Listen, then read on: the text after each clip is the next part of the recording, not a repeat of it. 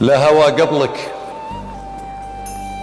ولا أمل بعدك ولا سماء إلا في عيونك ولا ثرى إلا في وعدك. أنت كل الناس وحدك. من ملك عتمة عيونك وابتسام الفجر فيها ما بقى في الدنيا ناس ولا بقى أرض يبيها. أنت يا عمر الليالي كلها قربك وبعدك أنت كل الناس وحدك. أنا أحبك والله شاهد أنا أحبك والله شاهد روحي من غيرك تضيع. وإن حكى في حبي واحد اتركيه أنت الجميع. اظلمي قلبي بدلالك وانصفي من هو يردك. أنت كل الناس وحدك.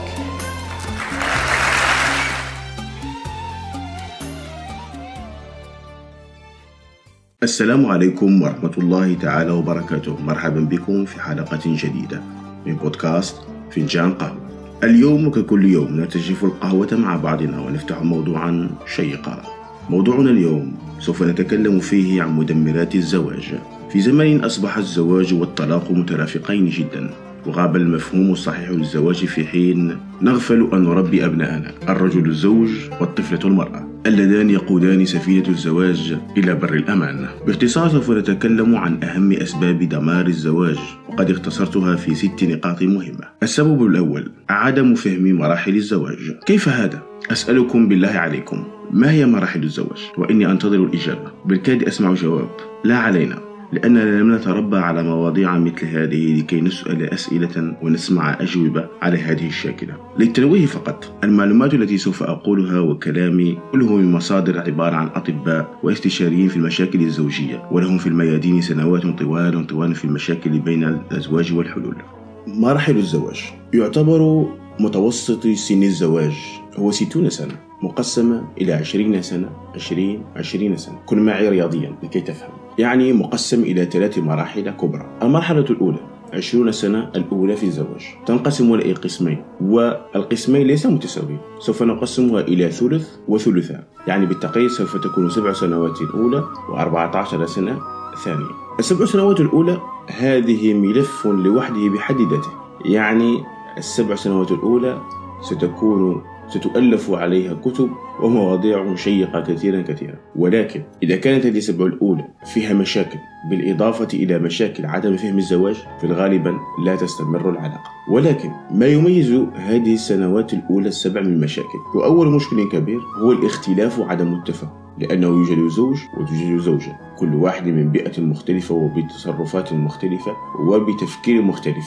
فسوف نلاحظ أننا أن الاثنين يغرقون في عدم التفاهم يعني لا تستغرب أن تكون أنت وزوجتك في السنوات السبع الأولى كل مشاكلكم عدم التفاهم. أي موضوع يفتح سببه عدم التفاهم. لماذا ولماذا؟ لماذا فعلت هكذا ولماذا لم أفعل أنا هكذا؟ مشكلة التفاهم. الأربعة عشر سنة التي بعدها تكون قد تزاوجت مرحلة التفاهم بالانسجام. ولكن سوف تقع في مشكل آخر. في هذه 14 سنة وهي توزيع المسؤوليات. فكل طرف من الطرفين سوف يشعر أنه هو من يدير المنزل. المرأة تشعر أنها هي من تدير المنزل من نظافة وطبخ وإلى آخره من مشاغل الأسرة والزوج كذلك. سوف يجد نفسه غارقا بأنه هو من يحمل هم البيت وهو من يصرف وهو من يتعب ويكد ولا يجد مقابل. فسوف يقع هنا مشكل توزيع المسؤوليات. وهنا غالبا ما يلجأ الأطباء أو الاستشاريين الأسريين في هذه المرحلة من 14 سنة عندما يتقدم إليهم أزواج يشتكون عدم تفاهمهم يلجؤون إلى شيء مميز وهي أن يضع ورقة ويسأل كل منهما ماذا تفعل طيلة أسبوعك؟ يسأل السؤال للرجل والسؤال للمرأة لماذا؟ لأن في هذه المرحلة يجب أن نعرف كل واحد أي دور يقوم به فعندما نقوم بكتابة مهامنا الأسبوعية أو الشهرية نكتشف السفينة إلى أي جهة تميل. إما تميل إلى جهة المرأة أو تميل إلى جهة الرجل من حيث المسؤوليات. وسوف نكتشف من يحمل أكثر المسؤوليات. وببساطة يقع هنا التوازن.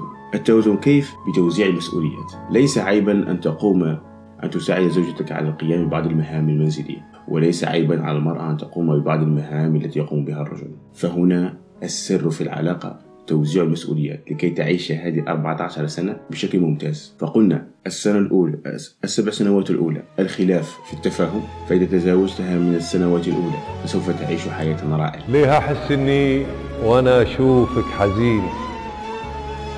قلبي الليلة بهمي ممتلي.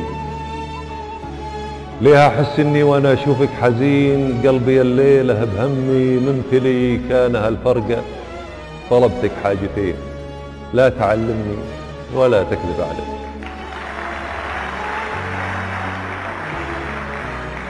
ليه أحس إني وأنا أشوفك حزين؟ قلبي الليلة بهمي ممتلي كان هالفرقة. طلبتك حاجتين لا تعلمني ولا تكذب علي. خلني ما بين شكي واليقين ما يهم رضاي عنك وزعلي باكر اللي خافين. لازم يبين والوعد بلقى مكانك بخلي. انتظر لي ليلة أو ليلتين لين ما يكفي السحاب وينجلي. ولا طويت الياس بذرف دمعتين للهوى الغالي. وبوادع هلي صاحبي بموت من كثر الحنين. خليني أختار لحظة مجدك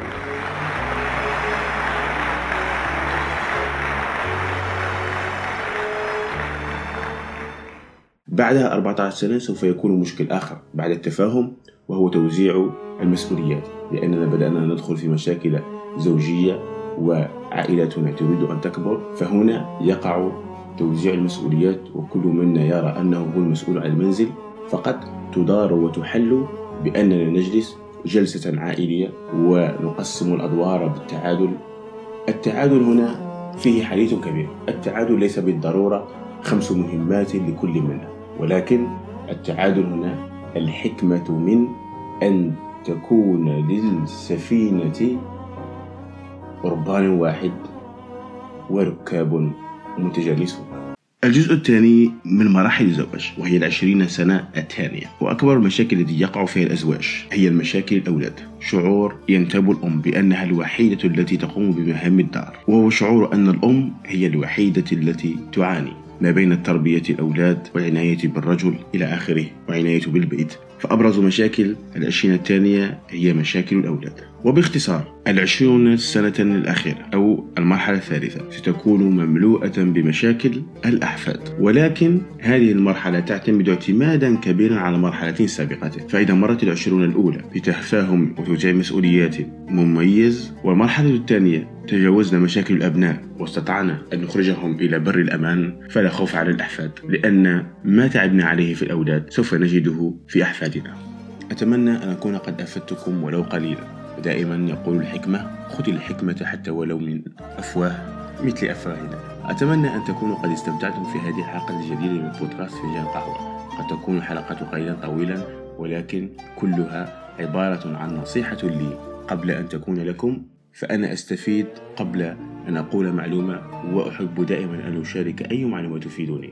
أن أشاركهم مستمعي الأوفياء. أشكركم جدا لدعمكم ولا أنسى لكم فضلكم وفضل استماعكم ونصائحكم. أي شيء أو أي اقتراح أو أي نصيحة قلوبنا مفتوحة لكم. شكرا لحسن استماعكم وإصغائكم لنا متمنين لكم حياة زوجية ورفاهية في الحياة. شكرا وأدامنا الله وأدامكم دخرا لهذه الأمة العربية. لا تنسى نشر المقطع والدعم ولو بالكلمة الطيبة. عيشوا سعداء والسعادة شيء يبدأ من أعماقك. ولا تنسى فنجان قهوتك. فقد صار باردا. ارتشف بالصحة والهناء.